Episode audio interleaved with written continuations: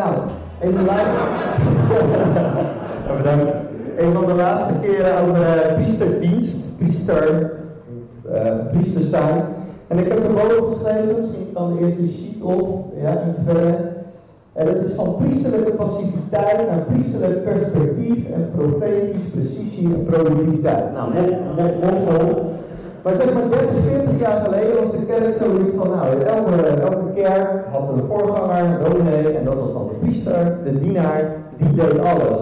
Maar wereldwijd is God bezig de kerk aan te uh, transformeren en veranderen. Dat wij allemaal priesters zijn, dat zijn dienaren, die dienen in de kerk, maar vooral buiten de kerk, om naar een priesterlijk perspectief te kijken. En dat is niet negatief, maar dat is positief. Wat is het mooie, het goud dat God in de ander heeft gelegd? En het heeft ook met het profetische te maken. Om te kijken naar het negatieve, het slechte in de ander, hoef je niet profetisch te zijn. Hoef je niet de Heilige Geest voor te hebben. Nee, dat is makkelijk. Maar om te zien de potentie, de mogelijkheden, de schoonheid in de ander, daarvoor heb je de Heilige Geest nodig. En dat is dat priesterlijke perspectief. En ik geloof dat God ons allemaal wil gebruiken om profetische precisie te zijn. Dat kan soms een daad zijn, kan soms een woord zijn. Soms kan het zo zijn van, hé, hey, ik moet die bellen. Of ik moet even langs die persoon. Heeft te maken met profetische precisie en productiviteit. En dat is geweldig. Wat ik heel mooi vind in, uh, in, uh, in de Bijbel, je in het Oude Testament op een gegeven moment heb je een groep van 70 mensen die zijn profiteren. En er zijn twee gasten, Eldot en Medat, die zijn buiten de legerplaats aan het uh. Dat zie je in nummer, de volgende. En dan zeggen een paar van die gasten, hey, is dat nou niet netjes dat die gasten buiten de legerplaats aan het profiteren zijn? En dan zegt Mozes het volgende, en dat is zo hart, het hart van God. Dan zegt Mozes, joh, ik zou willen dat God zijn geest op iedereen legde, zodat iedereen profiteerde buiten de legerplaats. Niet alleen in de kerk, maar ook buiten de kerk. En dat is precies wat er gebeurde eigenlijk op de Pinksterdag. In Handelingen staat dat. De volgende. Dan zegt Petrus die woorden van Joel, deze kennen we allemaal. Ik zal over iedereen mijn geest uitstorten. Uw zonen, uw dochters zullen profiteren. Oude en jonge mensen, nou dat zijn wij, hè. oude, jonge mensen, zij zullen visioenen zien, dromen krijgen. Ja, over ieder die mij dient, priesterschap, man of vrouw, zal in die dagen mijn geest uitstorten en ze zullen profiteren. Profetie en christen zijn horen enorm bij elkaar. Je hoeft niet een hocus pocus, magische figuur te zijn. Nee, als je de Heilige Geest in je hebt, heb je alle potentie om te groeien in het profetische. Nou, voor deze dienst heb ik een, uh, een tijd gebeden van Heer, wat wilt u nou zeggen tot deze mensen? En ik heb een aantal indrukken en die wil ik gewoon delen en toets het gewoon. Misschien dat het voor één persoon raak is, uh, misschien voor meerdere. Afgelopen weken gebeden en ik zag een tafel met allemaal van die memory kaartjes erop. Maar een stuk of van 200. En ik zag een hand en die pakte de ene kaart en de andere en dat matchte. En dat legde die op een stapel. Dezelfde hand, weer een kaartje, weer een ander kaartje. En die waren het ook hetzelfde. En zo ging het maar door. Bij memory, dan heb je vaak dat je dat, dat weten we allemaal, hè, het moet twee dezelfde zijn. 200 kaartjes, de een naar de andere kaartjes klopten. En ik had het idee dat God zei van, misschien is iemand die zich heel bezorgd maakt, ook over de financiën. God weet precies wat je nodig hebt. Hij is diegene die precies weet welk kaartje bij welk kaartje hoort. Als ik het zou doen met memory, ik zou fouten maken. Maar God weet precies wat je daarin nodig hebt. Ik moest ook nog denken aan een Bijbeltekst. Psalm 18, vers 18 en 19. David zit in de problemen. En het is ook nog zijn eigen schuld. Maar God redt hem op een fantastische manier daaruit. Dat is het verhaal van Siklag. En dan zegt David op een gegeven moment: God heeft mij gered. Weet je waarom? Omdat hij plezier in mij had. Misschien heb je een situatie waar je denkt van nou misschien is het wel mijn eigen fout, mijn eigen schuld. Maar ik geloof dat God wil zeggen, ik ga jou helpen. Ik ga jou bevrijden. Waarom? Ik hou van jou. Ik heb vreugde en plezier in jou. Ik had nog een andere indruk. Ik zag iemand en die was heel hard bezig om een, uh, om een trap te lopen. Een trap van wel duizend treden. En je kan je voorstellen, die man of vrouw was echt heel moe. Die zag het echt niet meer zitten. En ik had het idee dat God zei, je doet te veel in je eigen kracht. En het, en het antwoord is heel dichtbij. En die persoon had best wel een hele grote afstandsbediening in zijn hand. Een hele grote afstandsbediening. Maar die had het zelf niet door. En ik had het idee dat God zei, Terwijl die persoon aan het zwoegen was op die trap, druk de afstandsbediening in. Zodra die persoon dat deed, veranderde die steile trap in een roltrap. En God zei van, ik wil van dat zwoegen een roltrap maken, en dan ga je automatisch. Maar het is niet door eigen kracht, maar het is door mijn genade. Ga leren genade. En ik had het idee dat God zei, het heeft heel erg met je gezin en je familie te maken. God wil daarin genade geven. Een ander uh, indruk had ik over uh, werkdruk. Er is een persoon, denk ik hier, misschien meerdere. En je doet keihard je best op je werk, maar je zit niet helemaal op je plek. En ik heb het idee dat God wil zeggen, ik wil daar verandering in brengen. Je wordt leeggezogen op je werk, het heeft effect op je gezondheid, het heeft effect op je, op je huwelijk en je gezin. En God wil een verandering in geven. En ik kan me nog herinneren, twee jaar geleden, toen waren we met Connect Kerk in de Triangel. Toen, had ik ook een, gaf God een woord door me heen voor iemand in een werksituatie. Het was vergelijkbaar. Iemand had het zwaar, moeilijk op zijn werk. En ik had het idee dat God zei, je hebt mooie kaarten in je handen. En later kwam die persoon naar me toe en bedankte me en die zegt, dat woord heeft me echt veranderd. En ik heb er keuzes in gemaakt, waardoor ik echt uh, naar een andere werkplek ging, wat, wat, wat veel beter bij me paste.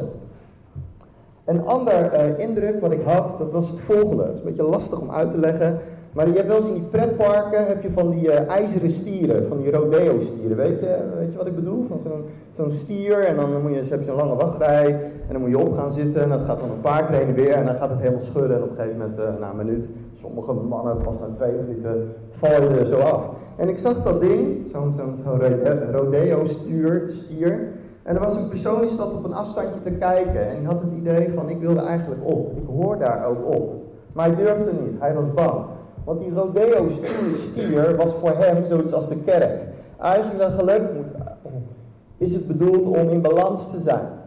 Maar die persoon had dingen meegemaakt in, in, in de kerk dat hij dacht van als ik op die stier ga, vertaald als ik me ga toewijden en verbinden aan de kerk, dan is hij op een tijdje in balans, maar op een gegeven moment gaat het schudden, raar doen en vreemd doen en word ik er afgeslingerd en gaat het weer pijn doen, raak ik weer geblesseerd. ik heb echt het idee dat God zei van, hier binnen Connect Kerk ben je veilig. En ook wat je hebt geleerd in het verleden, dat gaat niet opnieuw gebeuren. Ga je verbinden, ga je toewijden. En je hebt misschien ooit een flinke slinger gemaakt omdat die stier gek ging doen, maar het gaat niet opnieuw gebeuren. Hier ben je veilig. Nog een ene laatste indruk. Ik had het idee dat het voor een man was. En uh, je bent enorm getalenteerd en je weet het. En God heeft heel veel gaven en talenten in je gelegd, maar je hebt ook een stuk vatbaarheid en kwetsbaarheid in je. Maar ik had het idee dat God je een heel mooi gouden kogelvrije vest gaf. Om de aanvallen van de vijand, um, om je daarvan te beschermen. Je kreeg een goud gewaad. En ik had het idee dat God zei, maar toets het, je bent zoveel koninklijker dan je denkt. En je hebt daarin nog zoveel meer te leren. Een koninklijk gewaad en daaronder een gouden kogelvrije vest. Maar het grappige was, ik zag zijn voeten van die persoon en die had hele grote blauwe flippers aan, van die zwemvliesflippers. Daar moest ik zelf een beetje om lachen en ik had het idee dat God zei, um, ga diep met mij, zwem in het profetische, duik voor opnieuw in het profetische, je bent ervoor gemaakt. En als allerlaatste, maar toets het gewoon. Vorige keer had ik iets van 10 woorden, toen had ik er net 6 goed, net voldoende. Ik ben benieuwd wat het vandaag is. Kom naar me toe. Ook als je nog vragen hebt of je wil gebed over die woorden of je wil nog verder uitleggen, kom naar me toe. Ik ben ook aan het leren en aan het groeien. Ik vind het alleen maar leuk om te leren. laatste is, ik zag een, eh, vrouw, eigenlijk iets in de leeftijd van tussen de 15 en 35. En die persoon was uh, eigenlijk een, een, een hele mooie persoonlijkheid. Maar ze was zelf heel kritisch en heel negatief naar zichzelf. Voortdurend gaf die vrouw zichzelf op de kop. Dit doe ik niet goed, dat doe ik fout, dat doe ik verkeerd, dit en dat. En ik had het idee dat er een hand was die, haar, die, die als het ware haar hart even uit haar pakte. En, haar, en dat hart legde in een soort scanner, in een scanapparaat. En dan ging zo bliep, bliep, bliep. Ging zo'n scanner heen en weer. En er was een computer. En er werd, werd, werd neergezet wat God eigenlijk over die persoon dacht. En er stond heel erg van, uh, er kwamen allemaal groene uh, uh, en oranje-rode woorden van je bent mooi, je bent geliefd, je bent bijzonder, je bent zo positief, je hebt zoveel invloed, je bent zo'n bijdrage in je omgeving. En terwijl al die woorden zo kwamen, had je het idee van het liefst wil ik wegrennen. Want dit is zo overdonderend positief. Het liefst wil ik wegrennen. Maar dit is hoe God naar jouw hart kijkt. Als hij jouw hart pakt en hij scant dat, dan ziet hij schoonheid en mooiheid in jou. Oké, dat waren de dingen die ik had. En nogmaals, ik uh, vind het hartstikke leuk om hier in gesprek te gaan. En ook als je denkt van het is onzin en ik vind het moeilijk, schiet me aan, ik wil leren. Volgende, volgende tekst. Zegt de Bijbel, richt u in 1 Korinthe 14, richt u op de gaven van de geest, vooral die van profetie. En later zegt Paulus tegen de gemeente, ik wou dat jullie allemaal profiteren. Dus dat is het hart van God, dat we allemaal profetisch zijn. Allemaal. En ik heb een aantal dingen, een schemaatje. Ja, dat is de regel die ik dan heb genoemd, de 8 keer 3 van profetie. Nou, je hebt soorten bedieningen van profetie, al vaker genoemd. De, deze komt ook op de website, kan je downloaden, kan je nog eens rustig gaan nalezen. Je hebt soorten bedieningen van profetie. Je hebt de A van het ambt, ambt van een profeet. Je hebt de gave van iemand die vaak en veel woorden van God hebt. Woorden van leven, woorden van geloof, woorden van moed. Dan heb je de A van af en toe. Misschien heb je niet de gave, maar heb je af en toe een indruk. En daar groei je, daar kan je in groeien. Dat is fantastisch. Fantastisch. Dus soorten profetie. Dan is daar die opdracht om te streven naar profetie. Het is een opdracht. Het is niet iets dat je wakker wordt en opeens het allemaal hebt. Nee, het is iets waar je naar mag streven. L, dat staat voor luisteren en lezen. Ik ken een aantal profeten en ik luister hun boeken en hun, hun dingen. En wat zo, uh, en preken. En wat zo bijzonder is, dat ze eigenlijk allemaal zeggen: Ik heb profetie geleerd en ik heb heel veel geluisterd en heel veel gelezen. Sommigen wel 60, 70 boeken, voordat ze echt groeiden in het profetische. De O, die staat voor de omgeving. Al ga je met mensen om die groeien, uh, al gegroeid zijn in het profetische, dat helpt, dat stimuleert. En de F staat voor vragen. God is zo uh, gevoelig voor vragen. Als je vraagt, Heer, wat denkt u over deze persoon? Wilt u hier iets over zeggen? Wilt u daar een droom over geven? Door te vragen, streef je en groeien in het profetische. Dan heb je ontvangvormen, de O. De O staat voor ogen. Bij mij werkt het zo, dat is bij iedereen anders en verschillend. Ik ben een beelddenker. God gebruikt dat in mijn voorstellingsvermogen. Vaak komen de beelden of dromen of visioenen in mijn voorstellingsvermogen. Dan heb je de, dus je ogen worden gebruikt, je geestelijke ogen, maar ook je gevoel. Soms heb je een gevoel van, en dat kan ook gebruikt worden door God voor genezing. Dat je opeens last hebt van je knie, maar je hebt helemaal geen last van je knie. En dat, dat eigenlijk de Heilige Geest zegt van, hé, hey, er is iemand in je omgeving, die heeft last van je knie, die kan je voor bidden. Ik wil die persoon genezen. Dus het profetische door gevoel. En dan de O natuurlijk van je oren. Vaak spreekt God met een hele, hele zachte stem. Waarom? Hij woont in ons, hij is dichtbij. Het is onzin dat hij zou gaan schreeuwen. Hij is zo dichtbij via je oren. En natuurlijk gaat dus in het profetische wel eens fout. En een grappig verhaal wat ik wel vaker verteld heb, was, is het volgende. Er was een man die was ook aan het groeien in het profetische en die had een indruk om naar iemand toe te gaan en het volgende woord mee te delen. Van, hé hey broer, ik heb een fantastisch profetisch woord voor je. Uh, sta je open voor? Ja, tuurlijk, uh, kom maar op. Uh, zeg maar. Hij zegt, nou, ik zie dat God binnen enkele weken een fantastische, knappe vrouw op je pad gaat brengen. En die vrouw houdt heel veel van God en heel veel van mensen. Fantastisch. Die vrouw gaat een enorme zegen voor je zijn. En die man, die keek enorm geschrokken. En die had echt zoiets in zijn hart. Ik verbreek dat, ik verwerp dat, ik doe dat weg, dat woord. Dus, dus die man die vroeg van, uh, klikt dit een beetje, dit woord wat je zegt? Hij zegt, nou ik hoop echt niet dat dit woord van God is. Hoezo? Is toch een mooi woord? Is toch fantastisch? Een mooie nieuwe vrouw in je leven? Fantastisch. Hij zegt, nee, dat wil ik helemaal niet. Ik ben een paar jaar gelukkig getrouwd en ik heb twee fantastische kinderen. Ik zit helemaal niet te wachten op een nieuwe vrouw. Alsjeblieft niet. Ja? Dus af en toe gaat het profetische ook fout. Altijd goed om te toetsen. Ook is het profetische soms in contrast met je verstand en heeft het heel erg met je hart te maken. Een van de mooiste verhalen die ik al zo vaak heb verteld is het volgende. En ik blijf het altijd mooi vinden. Er is een man die groeit in het profetische en die heeft zoiets, heer, wat kan ik zondag meedelen in, tijdens de koffie aan iemand uh, in, uh, in onze kerk. En uh, toen zei God, ga naar, naar Jantje toe en zeg tegen hem dat ik ervan hou de manier hoe hij zijn bier drinkt. Dit kan niet van God zijn. Ik verbreek het, ik stuur het weg. Heer, wat wilt u zeggen? En God zei niks meer. De volgende zondagochtend, hij gaat naar de kerk en zegt, Heer, wie kan ik bemoedigen? Wie kan ik bevestigen? Zeg tegen Jantje dat ik het mooi vind, de manier waarop hij zijn biertje drinkt. Nou, duivel, ga weg. Week later, hij zegt, Heer, wie kan ik bemoedigen? Zeg tegen Jantje dat ik ervan hou, de manier hoe hij zijn bier drinkt. Dat ik ervan geniet. Hij denkt, nou, ik ga er maar naartoe. Dus hij naar Jantje toe zegt, Jantje, bla bla. Uh, ik heb volgens mij een woord voor je, maar toets het. Ik vind het heel raar en heel vreemd. Ik, ik wandel naar in gehoor van mij. Toets het, check het, alsjeblieft. Ik ben aan het leren. En hij zegt, ik heb het idee dat God zegt, ik hou van de manier waarop jij je bier drinkt. En die man begint keihard te huilen. Hij raakt hem diep. En hij zegt, sinds een paar maanden ben ik bezig om in een eenzame café vaak langs te gaan om daar een biertje te drinken. Om te evangeliseren en met eenzame mensen een gesprek aan te knopen. Zo lastig. Ik krijg zoveel negatieve reacties. Zo moeilijk. Elke keer bestel ik die biertjes in dat café om met mensen te praten. Maar ik zie geen vrucht. En ik had al drie weken geleden aan God gevraagd, Heer, hoe vindt u dat? Hoe vindt u het wat ik doe? En ik had geen antwoord. God had al lang een antwoord. Maar die ander twijfelde met zijn verstand. En God zei tegen een ander, want God, en dat versterkt ook weer de, ben, band tussen mensen. Ik hou van de manier hoe jij je biertje drinkt. Fantastisch. Geweldig. Volgende.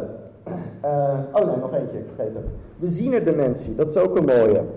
Een profeet werd vroeger in het Oude Testament ziener genoemd. En dat heeft te maken met de I van inzicht. Het, uh, oh, ik ga even de weer. Uh, kijk hoor. Ja, inzicht. Dat je in bepaalde dingen inzicht krijgt. Ook heeft het te maken met vooruitzicht. Dat je in de toekomst iets kan zien of bij een persoon iets kan zien. En ook overzicht. Dat je weet, hey, daar en daar moeten we in de gemeente op letten. Of in die en die bedrijf of dat en dat gezin. Dat en dat, daar moeten we op letten en daar moeten we in de gaten houden. Dus het heeft te maken met inzicht, het heeft te maken met vooruitzicht en het heeft te maken met overzicht. En wat zo mooi is ook met uh, vooruitzicht, dat is vaak in de potentie. Een van de mooiste verhalen vind ik het volgende. Er was een profeet in een hele grote zaal van 2000 mensen, pikte die een man eruit en hij zei tegen die man, jij bent een heilige man. Jij bent geroepen voor reinheid, voor zuiverheid en puurheid. En die man die was heel erg verbaasd, want hij was een zware heroïneverslaafde. Maar door dat woord ging hij zich anders zien en is zijn leven totaal veranderd. Dat profetische was in de toekomst gericht en dat brengt een transformatie. Fantastisch. Natuurlijk, en dan gaan we naar het vijfde. Wat is dan de inhoud van profetie? Nou, het is troostend, het is opbouwend en het is vermanend. Wil ik even Marcel van Noord vragen om hier op de druk te zitten. Die uh, heb ik gestrikt. En uh, we, vroeger dachten we misschien van profetie, nou dat is vooral iemand kapot maken. Dus eigenlijk een beetje zo en dan zo kiel halen naar achter van het podium. Dat is de bedoeling van profetie. Nee, dat is het niet. Profetie is heel veel, je doet het goed, je bent fantastisch, je bent een man van God, je bent sterk, je bent moedig, dapper, je bent een voorbeeld. God staat letterlijk achter je en hij roept, jee, kom op Marcel. Dat is het hart van bemoediging. Dat is het hart van profetie. Als je kwartslag wil draaien, draaien even je stoel, die kant op, ja. En natuurlijk is profetie niet van, hé, hey, als je niet oplet, dan kiep ik je naar achter. Dat is niet het hart van profetie. Wel is het hart van profetie ook toe. Marcel, wil jij even waarschuwen? Let op, let op. Hou dat in de gaten. Het is wel waarschuwend. En even, even af en toe schudden. Af en toe is het schudden profetie. Maar nooit om iemand van die krut af te duwen. Ja? Oké, dankjewel. Dat was het. Je profetie dan afleveren? Want dat is, het, eh, dat is het lastige. Eerst ontvang je het. En dan kan je nog een keer in gesprek gaan. Heer, is het echt van u? Kunt u het onderstrepen met een Bijbeltekst? Voor wie is het? Maar dan ook de timing. De timing is heel erg belangrijk. De timing is heel erg belangrijk. En God profiteert door kinderen. Ik denk dat ik van mijn drie krachtigste profetieën in mijn leven de eentje van mijn dochter is. En die is echt niet een superkind, ze pest haar broertje, ze plaagt haar broertje. Als ik zeg kom hier, loopt ze weg. Weet je, het is gewoon een lekker, uh, lekker, lekker kind. Maar uh, ongeveer anderhalf jaar geleden had ik echt zoiets. Heer, ik wil een woord van u over mijn baan. Hoe moet ik het aanpakken? Waar moet ik heen? Welke boek moet ik lezen? Welke preek? Welke conferentie? Hoe wil u antwoorden? Hoeveel dagen moet ik vasten? Ik wil een woord van u. Toen had ik het idee dat God zei, ik ga antwoorden via Mirte. Dus ik naar Mirte toe, mijn dochter. Mirte, gezegd? Uh, nee, laat me met rust. Ik wil met mijn Barbie spelen. Oké. Dus ik de volgende dag. Mirte, ik heb het idee dat God iets tegen je wil zeggen. Um, wil je luisteren? Papa, je hebt toch zelf een Bijbel? Je kan toch zelf lezen wat God iets wil zeggen? Oké? Okay? Ja. Ik zeg, Heer, Ze luistert niet. Wat moet ik doen? Ik zei, God, het komt wel, laat het los. En ik ga je een aanwijzing geven. En toen echt een paar weken later, toen ik het helemaal losgelaten, uh, we hadden zo'n klein zwembadje in de tuin, zo'n plastic ding. En ze was lekker in de zomer aan het spelen. En op een gegeven moment kwam ze naast me zitten met zijn handdoekje, lekker gezellig. Ik had er helemaal niet meer aan gedacht. En uh, toen had ik echt een heel zacht stemmetje van Heilige Geest. Die zei, Kors, die moet je vragen. Ik zeg, Mirte, zou je heel even willen luisteren naar God wat hij zegt? Ik zeg, ja hoor papa. En ze kreeg iets en ze zei zo krachtig, zo krachtig, over mijn baan. Het borrelde helemaal hier. En toen zei ik, kan, je dit nog een keer zeggen? En ze herhaalde het twee minuten later letterlijk nog een keer. En het was zo concreet, het was zo diep. Uiteindelijk ben ik op dat woord gaan solliciteren, in één keer aangenomen. Een half jaar later had ik een evaluatie met mijn collega's. En de twee dingen die zij zei, zei tien hulpverleners, waarvan zeven ongelovig, letterlijk terug. Heilige Geest, hoe doet u dat? Weet je, zo mooi, door kinderen heen. En dan zou ik daar een rekensom van willen maken. Elke keer als ik iets nodig heb, ga ik naar midden, hey, luister eens. Maar zo werkt het niet. God is creatief. God is creatief. Ook dan de volgende. Dus om, je ontvangt het, de timing en dan overbrengen. Het is altijd met liefde, het is altijd met genade, je geeft altijd ruimte. Je zegt nooit, zo is het zeker weten, je moet gehoorzamen. Nee, geef mensen de ruimte om het te ontdekken. De zevende, de vrucht van de Heilige Geest. Het is bevestigend. Bevestigend van wat je gelooft en wat je weet. Het is ook een instructie van hoe te handelen, hoe te gaan doen. En het zevende is, het zet iets vrij, het zet iets in beweging. Zo'n tien jaar geleden ging ik met, toen werkte ik met verslaafden, twintig verslaafden, ging ik naar een conferentie en ik moest die verslaafden in de gaten houden. En ik had het idee dat God zei, ga naar die mevrouw, want ik heb een woord voor haar. Ik zeg, ja, ga niet naar vrouwen voor een woord. Gelukkig zat die vrouw in het gebedsteam, ik naar die vrouw toe, terwijl ik twintig cliënten in de gaten moest houden. En ze zei, oh ja, ik had ook het idee dat ik iets voor jou had. Zij dit, het raakte me zo diep. Ik kwam thuis, ik zei nog geen woord. En Vera zei, wat is er met jou gebeurd? Ik zeg, ja, het is belachelijk. Zo diep effect kan het profetische hebben. Het zet iets vrij. Het is niet alleen informatie dat je denkt, oh leuk nieuw inzicht. Nee, transformeert, het zet iets vrij. Dan het laatste. Check het, heel belangrijk zoals het al zou zijn. A, een actie. Soms is het als het ware een jas wat je moet aandoen. Is het iets wat je moet gaan doen, wat in beweging moet komen? Profetisch woord is niet dat je denkt van nou mooi, dat uh, komt sowieso in vervulling, ik ga lekker slapen. Nee, soms is het als een jas wat je aan moet doen, dat je in beweging moet komen. B, natuurlijk altijd de Bijbel. Klopt het wat het in de Bijbel uh, is? Is het Bijbels? En C, is het in lijn met de geest van Christus? Openbaringen zegt, profetie is het getuigenis van Christus. Oké, ga ik afronden. Voor... Uh, Um, kijken hoor, hoe gaan we dat doen? Ja. Van wie van jullie heeft hier in de Connect-kerk wel eens een, een, profetie of een woord wat, wat raakte gehad? Even, even vingers. Mooi, wauw. Wie heeft wel eens een woord van profetie of een woord van kennis gegeven? Super, super gaaf. Ik geloof echt dat op Connect Kerk iets rust dat God profetie wil vrijzetten. En niet alleen vanaf het podium, maar gewoon in de gesprekken, bij de koffie, bij de livebuilding, bij de bezoekjes. Dat God het heel erg wil gaan, uh, gaan vrijzetten. En uh, wat we nu willen gaan doen is het volgende. Even kijken, ja. Willen in kleine groepjes van ongeveer drie personen, misschien vier, willen we luisteren of God iets voor de ander zegt. Dus maak strakjes, als ik dat zeg, groepjes van drie, vier personen en dan gaan we luisteren. Soms kan het heel simpel zijn. Van God houdt van je, uh, God gelooft in je, God heeft een plan. Misschien is er helemaal niks in je gedachten. Kan, maakt niet uit. Dan zeg je gewoon, oké, pas, ik weet niks, prima.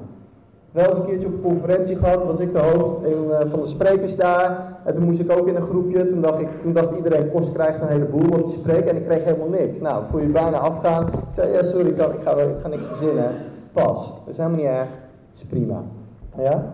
En uh, altijd goed om te toetsen. Dus laten we groepjes maken van uh, drie à vier personen. En dan gaan we luisteren. En als je een indruk hebt of een tekst, dan, dan vertel je dat gewoon aan die ander. Yes? Zullen we dat gaan doen?